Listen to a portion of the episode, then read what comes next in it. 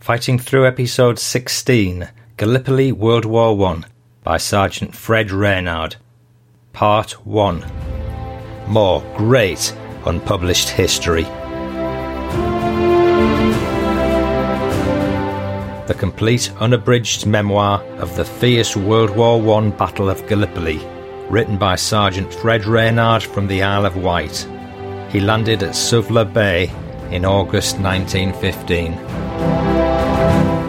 British, Australian, New Zealand, and Indian Gurkha troops fought for the strategic waters of the Dardanelles and the Turkish capital city of Constantinople in the Ottoman Empire. A leaflet issued to troops advised Turkish soldiers, as a rule, manifest their desire to surrender by holding their rifle butt upward and by waving clothes or rags of any colour. An actual white flag should be regarded with the utmost suspicion, as a Turkish soldier is unlikely to possess anything of that colour. Would the brave but overconfident Allies find they'd bitten off more than they could chew in the face of opposition from the equally brave, confident, and well prepared Turks? Then the firing stopped, and with a yell of Allah! Allah! Charged. They bore down on us like fiends, and soon I was fighting for my very life. Hello, listener. I'm Paul Cheall. Welcome to episode 16 of the Fighting Through podcast. I think by now you must know all the background to this show, so I'm going to stop repeating it every time. I know many of you are fitting your listening into a busy day, so my aim from now on is to get to the nitty gritty as soon as I can. Let's step it out, as my dad would have said. Oh my goodness. You'll have come across stories from time to time of the discovery of an unknown Rembrandt painting or a, a Beethoven symphony. Well, this has the same flavour in my mind.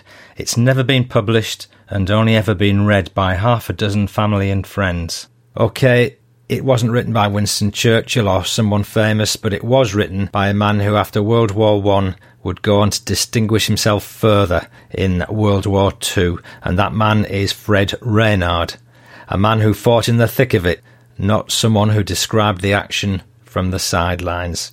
We've all heard about Fred in the Little Ship the Bee episode when he played a stunning role in the evacuation of troops from the Dunkirk beaches in 1940. Well, shortly after that episode went out, I received an email from someone. My name is Helen Westbrook, granddaughter of the late Fred Reynard. My family, including my brother and sister, thoroughly enjoyed listening to Gramp's fascinating history on your recent podcast. We all have fabulous memories of a wonderful man who lived an amazingly full life he also left another wonderful war diary from World War One, relaying his experiences from Gallipoli. Thank you very much, Helen. Well, after I'd picked my chin up from the floor, I replied to Helen, and she kindly sent me her granddad's wonderful memoir. So after much scanning, typing, and editing, it's finally in shape for the show. And it's so long I've made two episodes out of it, so I'm I'm releasing them separately, but I won't keep you waiting too long to hear part two. Not only did Helen send me Fred's World War One Gallipoli story, she also sent me an extended version of the World War Two Dunkirk Little Ship B memoir he wrote. So that too is going to be featured in the forthcoming show, especially given the huge interest recently generated by the new Dunkirk movie. This is 2017.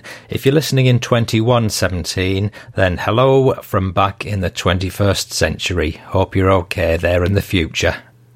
Before I get on to Fred, I want to share some feedback from Rita Cooper about John Smith's poetry in the last show. Wow, Paul, my granddaughter and I listened to your podcast and it was absolutely fantastic. I've never heard anyone read Dad's poems and you were just brilliant. It certainly made my eyes well up. Dad would have been proud of what you've written and spoken about him. I called my brother John in the USA and told him to listen to the podcast, and also my daughter, told her to have tissues handy. Just brilliant, Paul. Thank you so much, Rita. Well, thanks for the feedback, Rita. It's lovely to be able to share your reaction with other listeners, and I'm pleased my efforts were appreciated. And many thanks from me to my old English teacher, Mr. Wood, who taught me enough about poetry to make a half decent attempt at it. Rita, you should know your dad's poetry has gone down a storm, and at the time of recording, it's had about 2,000 listeners and counting.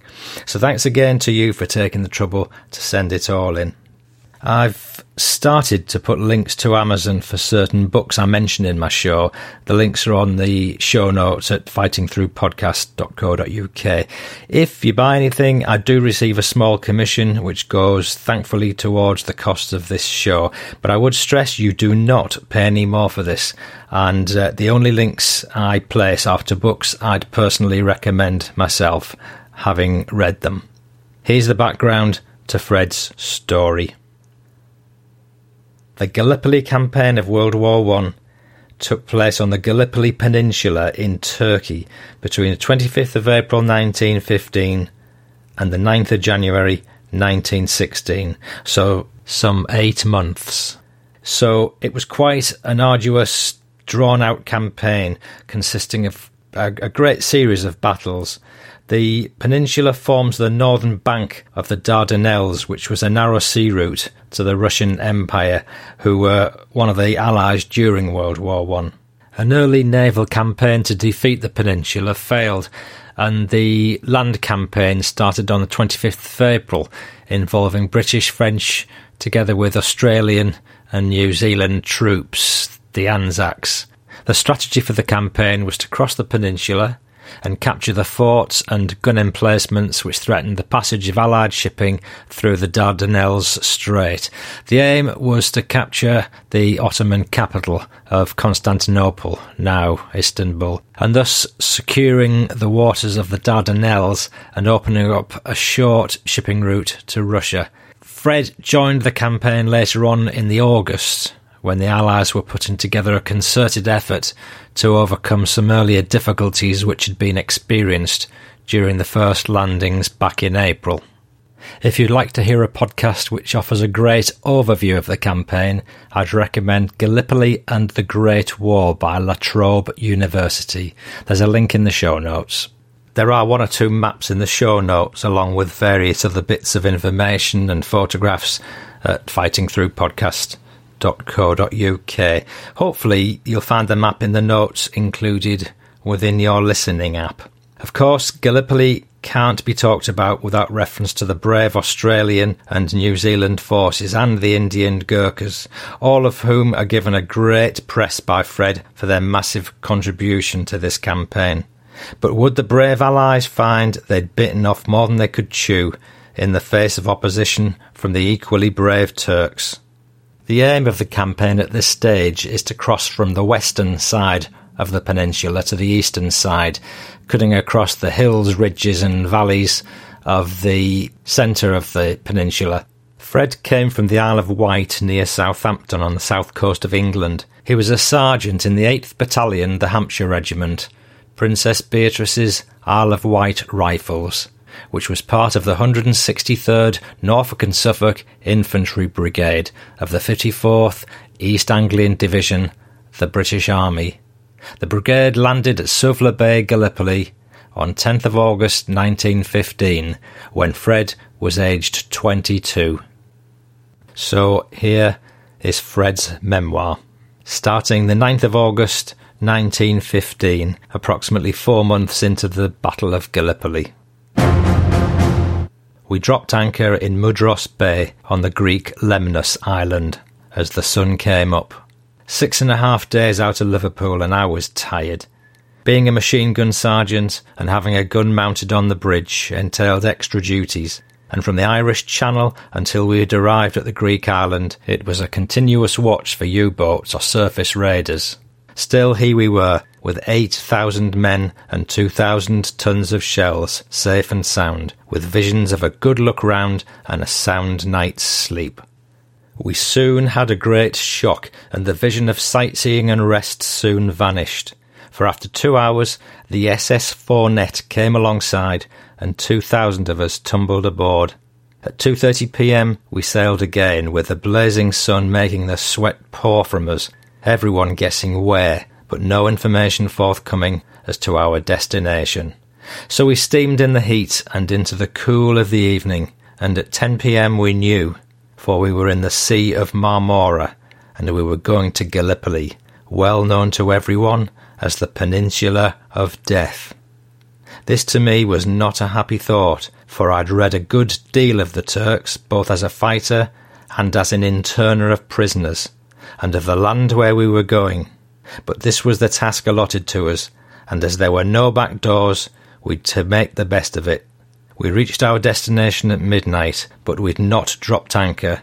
We just steamed around slowly, watched by a screen of HM destroyers. Dark shadows of other ships were arriving until the sea was dotted with black spots made visible by the half moon. There was a strange silence aboard. Would someone tell us something to ease our feelings? Then the fall in for a meal, and this to be followed by an address by the commanding officer. Then we knew what we'd have to do, for we were to force a landing at dawn in a few hours' time, a landing at Suvla Bay. We assembled between decks for a church service, a very impressive one. The usual army hymns, Onward Christian Soldiers, etc., and concluding with Abide with Me. This was the last service that almost half the assembled would ever hear on earth again, but nobody seemed morbid about it, for nobody knew. The landings were to take place as follows. Our brigade, the 163, was to land at Suvla, the 162 to follow us in as support, and the 161 to pass through us and dig in. Then the 163 and 162 would go forward and take the village of Anafarta, on paper as good as done. The French and two naval divisions, Drake and Anson, to land at Cape Hell. The Australia and New Zealand 32nd Divisions would go ashore at Anzac, while the 36th Irish Division would go in at Salt Lake. This operation involved 61,000 men. The layout was sound for those who planned the operation, but what they did not take into account was that the Turks had had six months to prepare for us, and they'd certainly made the best of their time. The lads stood about in little groups, for some having their last chance of a chat with their pals. My pal was a lad from Wootton, near Bedford, Dink Watson by name, and we made good arrangements what to do in the event of either of us going under. A good lad was Dink. The hour arrived, then the first order. Over the side you go and soon hundreds of dark shadows were making their way down ladders into small boats the Navy had placed alongside. Full up, sir, a midshipman shouted.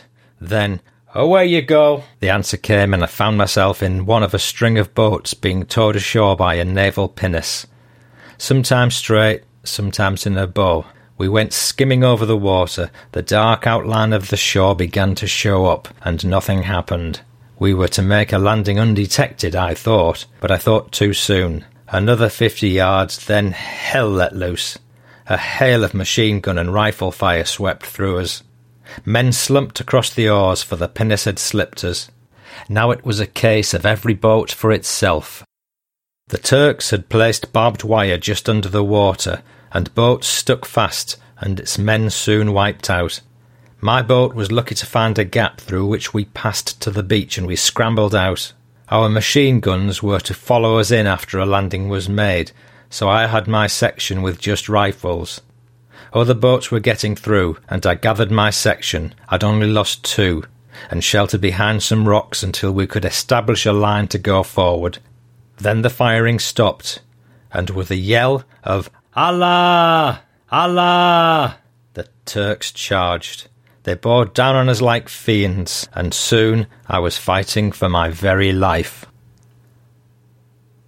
Three more of my section fell, never to rise. We fought like tigers, sword, butt, and everything. I found myself in an uncomfortable position, but Dink Watson was there to save me. Once my sword jammed tight in a Turk's equipment, and I was disarmed. I was kicked in the shins and went down, a big Turk trying to gouge my eyes out. Then a limp body fell across me, and Dink had again saved my life. Thrust and counter thrust, kill or be killed. Another rifle was thrust into my hand, and the fight swayed both ways, but all the time more were getting ashore, for the 162 Brigade were landing. Then he, the enemy, started to retire, and at the same time his shells started to rain. High explosives and shrapnel took a heavy toll of life, and the orders came along to dig in. Small entrenching tools were all we'd got, and the ground was rock, so all we could do was to get what shelter we could until the line was established. We'd gone inland about 500 yards, and the shore was strewn with dead and wounded. Then some order was restored, and we got down in earnest. The line began to take shape, the wounded cared for, and as many as possible of the dead that could be buried in a mass grave on the shore, for here was the only ground that was soft enough to dig. The build up continued, and our ships engaged his batteries, and so eased his shelling of us. To our right and on our left flank, the battles were waging with a frightening din. How they were faring we didn't know, but there was certainly plenty of action. Our machine guns came ashore, and we felt more at home, and the supplies of food and equipment were being landed by the Navy in great amounts. But the main Turkish force had gone back on our section. But why? Well, we were to find out before many days were past, for Johnny Turk didn't give much away. It seemed that the attack on Anafarta was off for the present. I thought we'd gone on. We should have done better. But there were others with more brains running the show, so what we thought didn't count, even if we dare to say it. Still, the fact remained there we were on hostile shore under a burning sun with no shelter, not much water or food, and weary and tired after hand to hand fighting, waiting to see what was going to happen next. Night fell, and double sentries watched while men rested. More stores came ashore, and men and material. But during the hours of darkness, snipers returned, and these men began to take a steady toll of life. As day broke, a salvo of shells fell among the landing parties. Just one salvo, but what damage it did. It caught a number of mules, whether Indian drivers, and we could ill afford to lose them. Still, we were at war and could expect anything.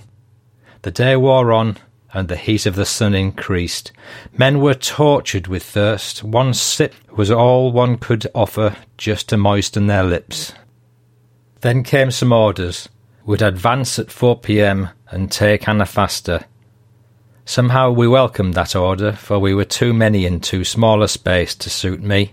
Anafarta was a village roughly three miles northwest of our position. It was on the side of a not too steep hill, but between us and that hill was about two miles of flat plain land which we would have to cross.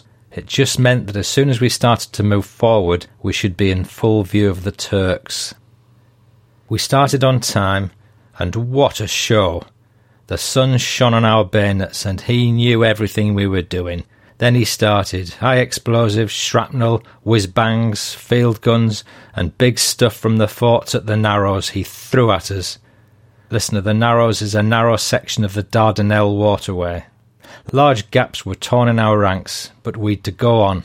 Before we'd gone half a mile, my gun section, with the exception of my pal Dink, my number one, and myself, were either dead or wounded. I carried the gun of 56 pounds in hand, but with the heat of battle, one didn't notice the weight. Men were lying everywhere, but you couldn't stop to attend the wounded. Get on was the order, and get on we did. Soon we found ourselves in a range of his small arms and machine guns, and then we were forced to move with more caution. At the bottom of the slope of the hill was a small wood of olive trees, and into there our advanced troops entered. Then we found out why he'd retired, for the wood was a mass of well built trenches with slits to fire through and with underground tunnels running through the hill. We were led and nicely led into a trap. Snipers were everywhere, and the small arms fire intense. The least movement was spotted, and men dropped like flies from this hidden foe. Nothing for it but to dig in. I drew men from the company nearby to help with my gun emplacement, and we dug like fury. Night fell, and we still dug in. He eased his small arms firing, but the snipers were still there, and one could hear the cry of one who was hit, but we had to prepare for a counter-attack. We were sure one would come. The moon gave a good light, so I had to acquaint myself as much as possible with my surroundings to get the best possible effect with my gun. I had to crawl out to a small ridge, and I saw an opening from the wood. I saw also over the crest and about a quarter of a mile off a sunken road, along which a convoy of traffic was moving towards where the Australian and New Zealand line were attacking.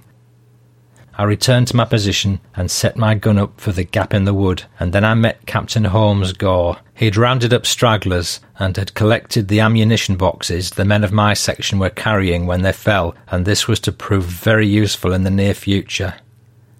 I asked how the battalion had fared, and he said badly. In fact, no contacts could be made with any who had entered the wood. Also, the 4th and 5th Norfolks had simply disappeared. These were men from Sandringham Estate, and a fine lot of lads they were. I reported what I'd seen, and he said it would reach the right quarters. Captain Holmes Gore also told me that Captain Loader was killed and that there were only seven officers at headquarters that could be accounted for. He said, My definite orders to you, Sergeant, are to hold on whatever happens, for there must be no retirement. I knew what I had to do, and I intended to do it, but it meant that every round fired would have to count. The night pressed on, and there was a strange quiet. No one could afford to relax their watch. And then I heard a movement, and saw the outline of a figure coming down the line towards our position. He stopped and spoke to the lads on the way, and this was followed by a movement of the men. When he reached my position, he said, Are you with the Hampshires? I said, No. A lie. He then said, I'm Captain Loader of the Hampshires. The only officer left. Prepare to retire at once. I knew Captain Loader. I knew he was dead. And I knew there must be no retirement. He guessed my thoughts and his hand flew to his side, but he was too late. I fired and he was dead. We dragged him into the gun position and looked him over. There was nothing in the dress or even features to say he wasn't British, and I began to wonder. Then Dink said, Nice watch, Sergeant. And it was, a gold watch inscribed within, with words I couldn't read. Yes, he was a Turk. I sent a runner down the lane to stop those who were thinking of retirement and contacted HQ. Then we dragged Johnny Turk clear of our emplacement and left him there to rot. The morning broke and still no sign of a counter attack. The sniping was resumed and claimed many lads. We dug still deeper and sappered off the position. Listener, this means the preparation of a position with trenches, and a sap was a position where the ground had been so sappered. Then a tragic incident happened, one which was to prove a turning point in my army life. There was a cry of help from no man's land, and turning round, I saw a man running round in circles. He was either mad or blinded. It was the latter. But there was something else. A figure of a man running towards him, and that man was Dink Watson. I saw Dink reach him, and then he fell wounded himself. No time to think then, and I found myself running towards my pal. The fifty yards I must have covered in record time, but I reached him, and he was still alive. He said, Sergeant Freddy. Where my strength came from, I shall never know, but I threw him over my shoulder as if he was a child, and started back with a hail of bullets following me. Something hit my side, and it pained a little. Then a bang on the chest as I tumbled with Dink into our shelter. Dink was dead, and so we could do nothing for him, so I had to look after myself. A bullet had broken my bayonet off short, and had driven the steel of the scabbard into my hip, tearing the flesh apart. Another had hit the prayer book I carried in my breast pocket, and the steel mirror inside had deflected it, and so saved my life. And the mirror was one that Dink had given me. I was filled with remorse and sorrow, for I'd lost a good pal, but over his body I swore I would not rest until I'd put that sniper in his grave or he mine. That evening we dragged Dink's body to the shelter of a large olive tree, where we buried him. picture of his girl I placed in his breast pocket and buried it with him. We recited the Lord's Prayer and heaped large stones to keep the carrion birds away. We marked his grave with a simple wooden cross made from an ammunition box, and marked it with just one word Dink. But I crawled away from that spot bitter in heart, it seemed to everything. Captain Seeley was waiting for me when I got back. He said that he'd seen everything and he would send his report to HQ. But I only wanted that sniper.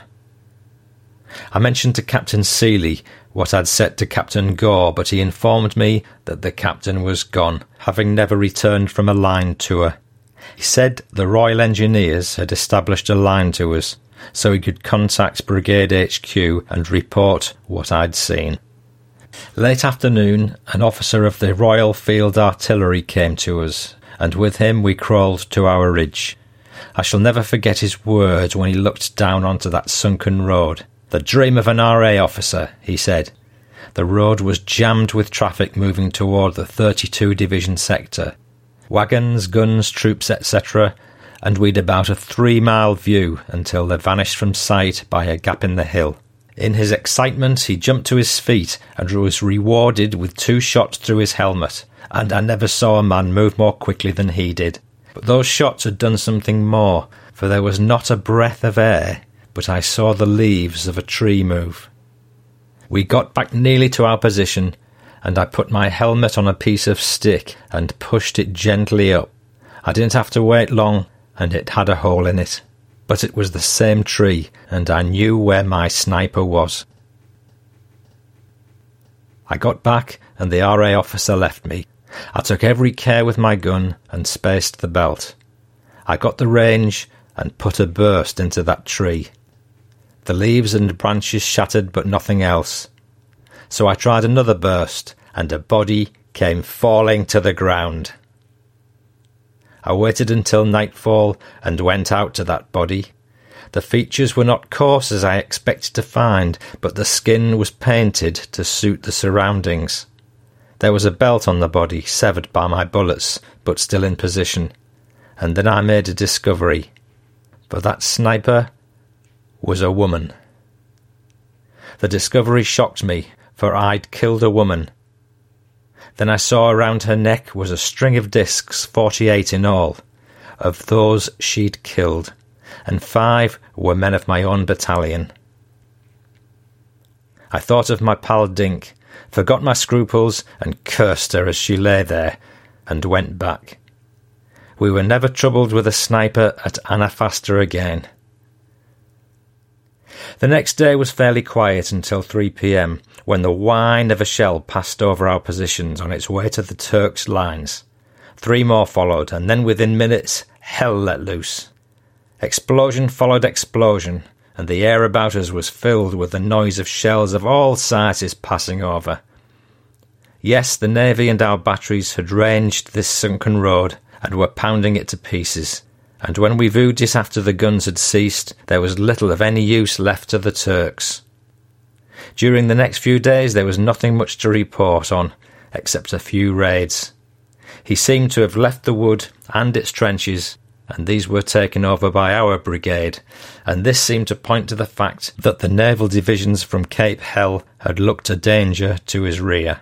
I had instructions to remain where I was entrenched as the view to the wood entrance could easily be covered by my gun and one from the Suffolks, who formed part of our brigade. Rations came every night, carried by those faithful little Indian mules, and by their equally faithful Indian drivers. But water was very short in supply, and the heat of the day was almost unbearable. Still, there we were, and lucky to be alive. Then I had a brainwave. The olive trees were green, so they must have water. Could we find it, was the question. On the maps, four wells were marked within a quarter of a mile from where we were, and we thought this would be our salvation. With the aid of my compass and bisection, we determined their position, and that night the party set off to get the water, which at that time was the lifeline of the army.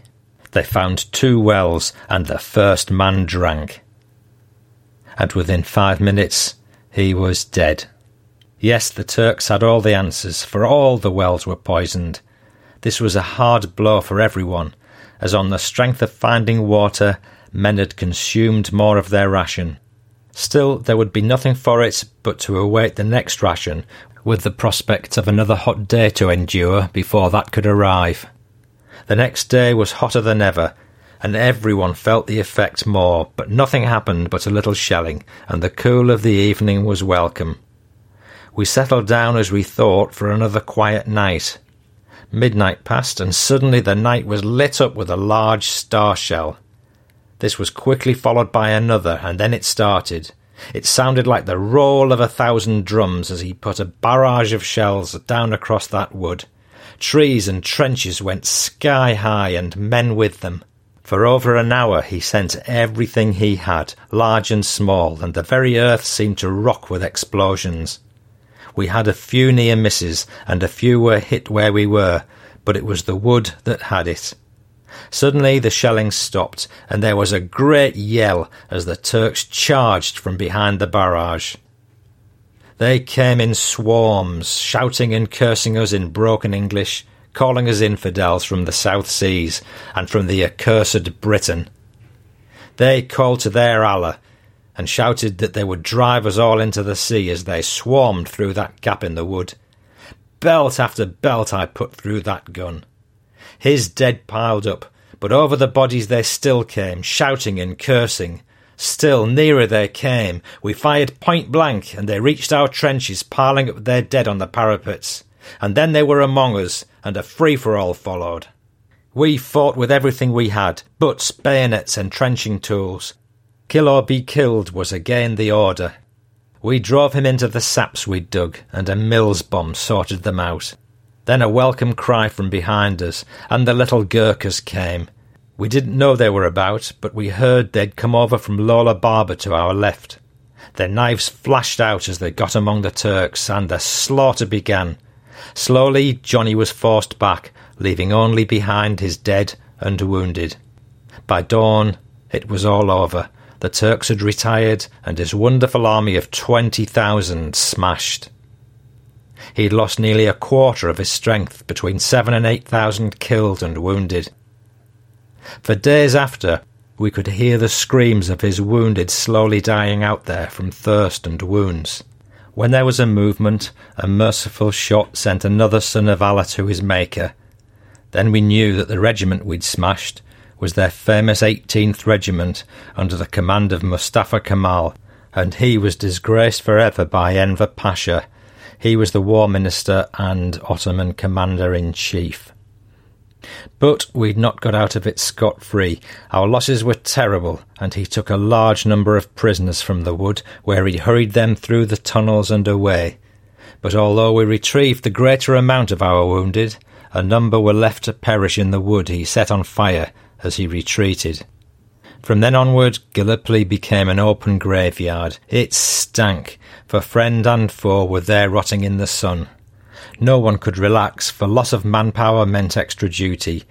Men found the ever increasing nervous strain began to tell. Water was scarce and dysentery rife. Septic sores, gnat bites, and unclean ulcers that nothing seemed to heal didn't help. The vultures became more numerous and daring. We could only watch them feed, and it was a common sight to see men go about in bandages. And then we got the news that we were about to be relieved.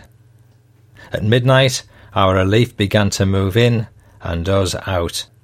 The 51st Highland Division relieved. That three miles back was the longest three miles I've ever walked. Lack of rest, food, and water plenty of sores to rub you as you walked, and with a 56 pound gun on your shoulder, plus equipment, etc. Stumbling over shell holes and bodies tripping on barbed wire, moving fast so as not to lose sight of the file who was following a guide. Slowing up when a convoy of mules going up with supplies were on the same track, but always going back away from the hell we'd lived in.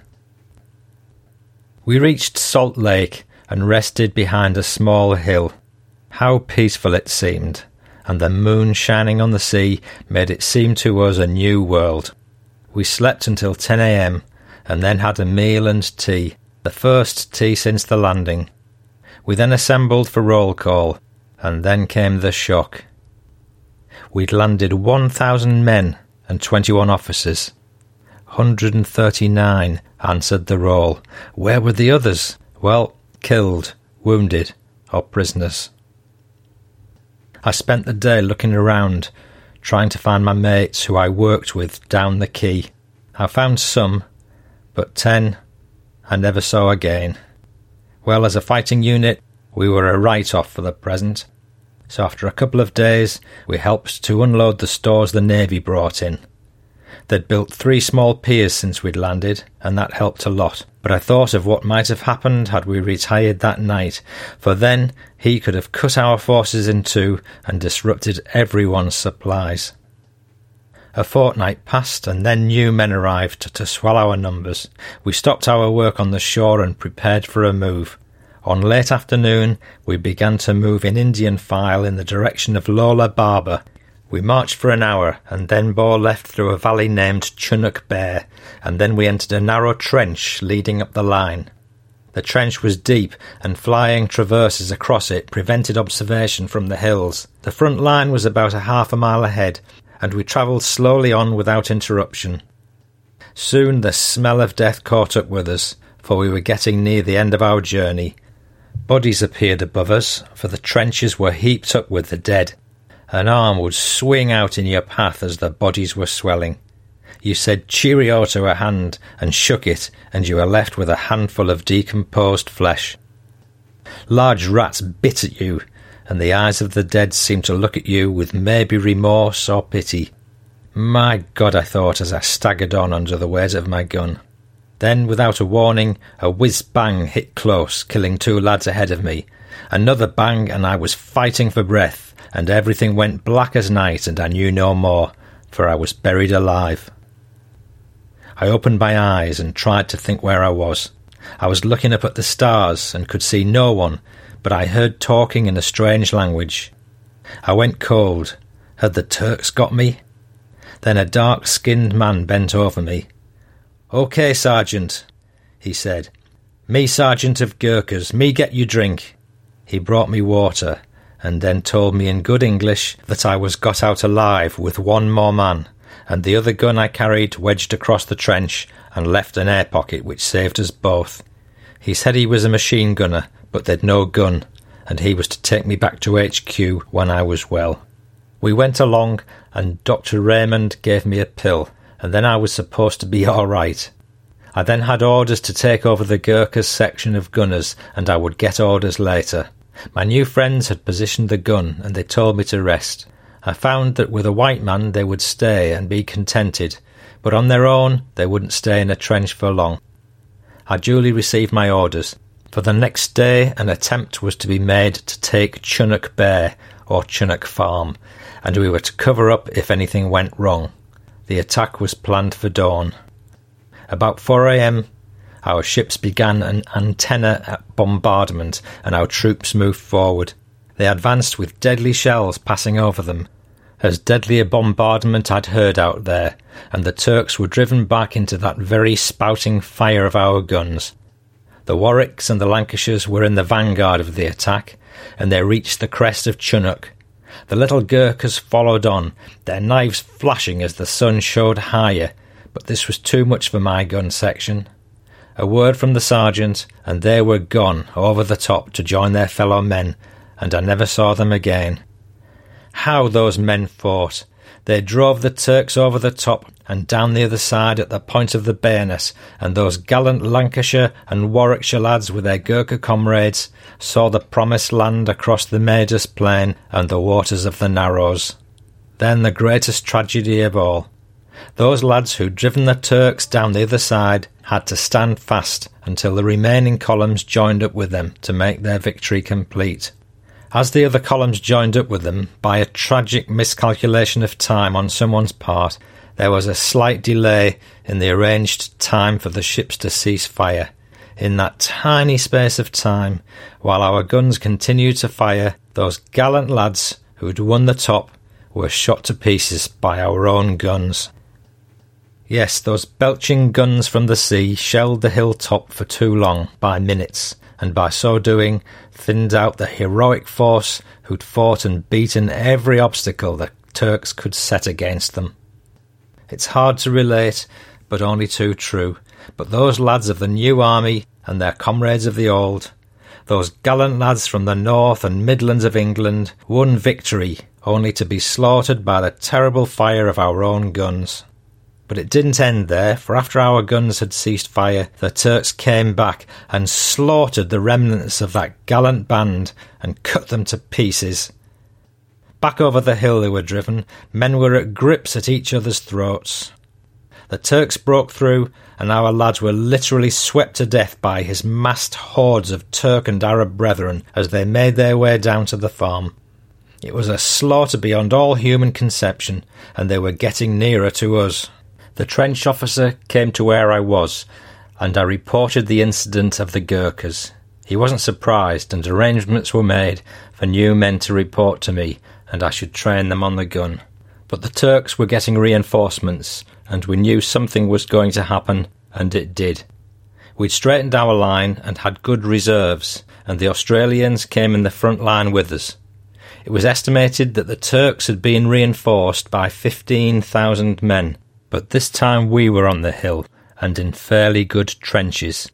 The next day he struck. He came on in a dense, black, screaming mass, almost shoulder to shoulder, six to eight feet deep. We sprayed them with machine gun bullets and threw bombs in that packed mass.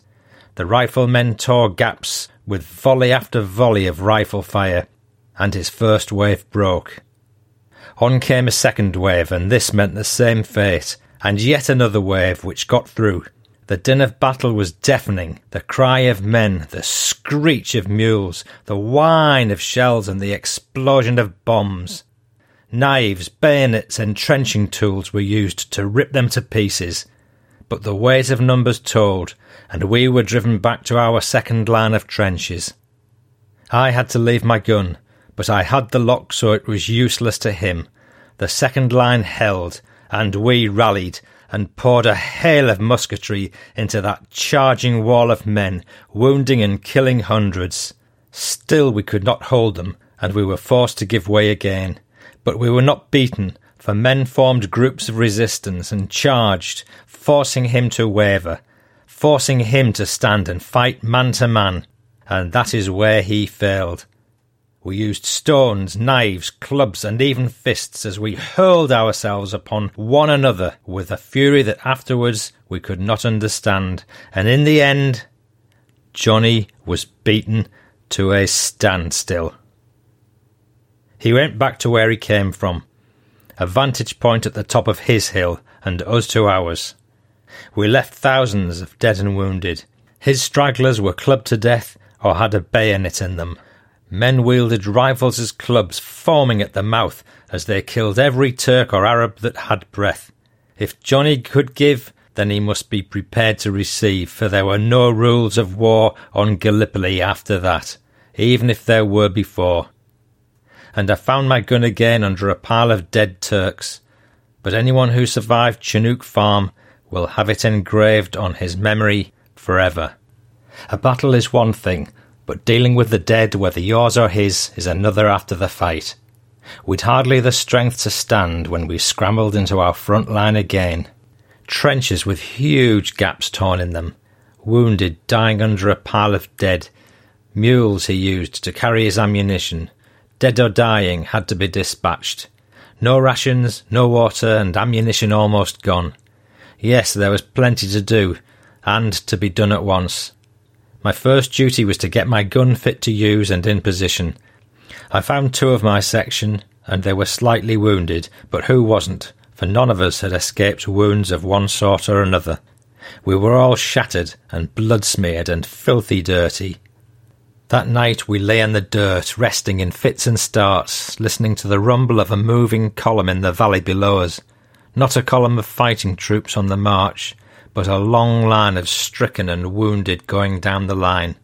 When I say wounded, I mean wounded, for if you could hold a rifle, you were fit. For days we worked and lived with the dead. We ate, drank, and slept among them.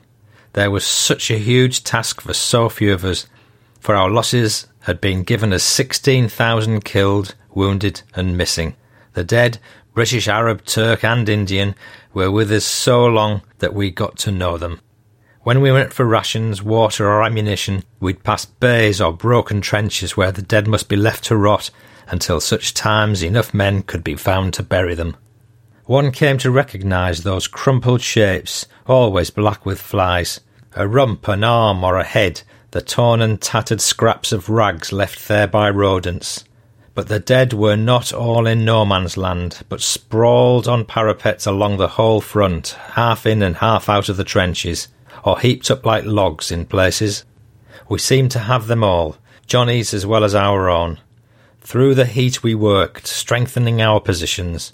As we deepened our trenches, many dead were buried under the earth thrown out, and where there was an old trench we tumbled them in, and they seemed to watch us reproachfully until we broke out in a nervous sweat. We had to do something with them or go mad.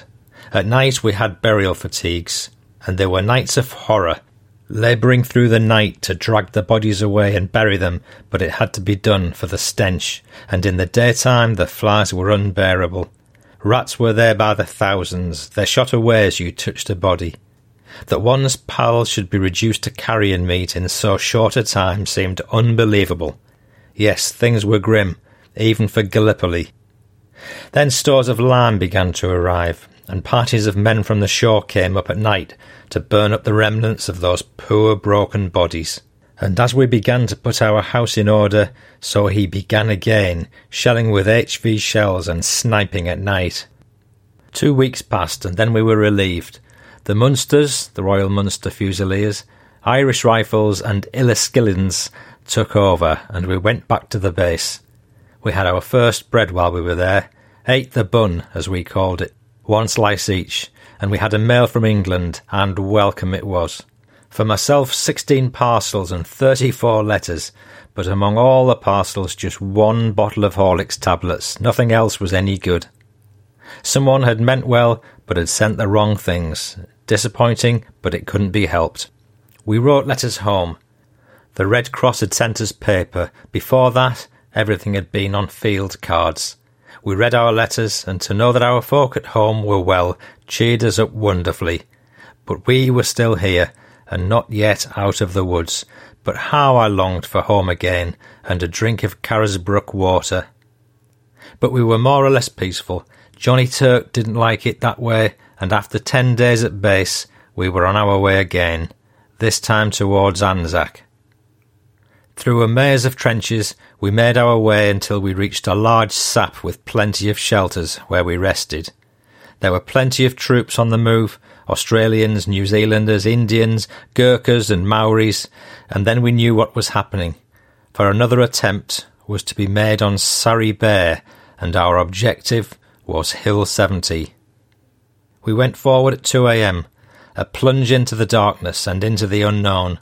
Crawling over gorse and rubble, we moved on for about half an hour and then reached a Turkish outpost and the fight was on. It was a strong post, thickly protected with barbed wire and stakes, and we started to hack at his wire. Then he started up with a withering hail of rifle fire. We hacked through and found our way into his trenches. The Aussies and the little Gurkhas were there with us, and then the unholy slaughter began. Turks seemed to come from everywhere, for he'd built himself a maze of tunnels running back, it seemed, for miles. Those Gurkhas and their knives, and Aussies with everything they had, cursing and swearing from both sides, just hell on earth. We cleared a sap, and this led to a bolt hole up to the surface, and the Turks made for it.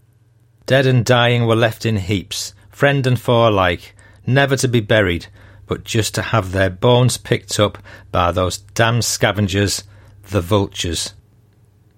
Many brave men fell there, friend and foe alike.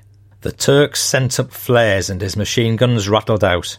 He killed his own as well as ours, as he lost his head, for he'd been surprised. But Johnny soon settled down to it, and then he started.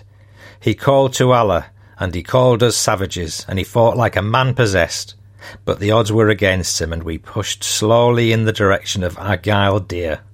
We staggered on, stumbling over clefts and tangled scrub and rocks, fighting bunches of Johnny at a time, but advancing slowly but surely.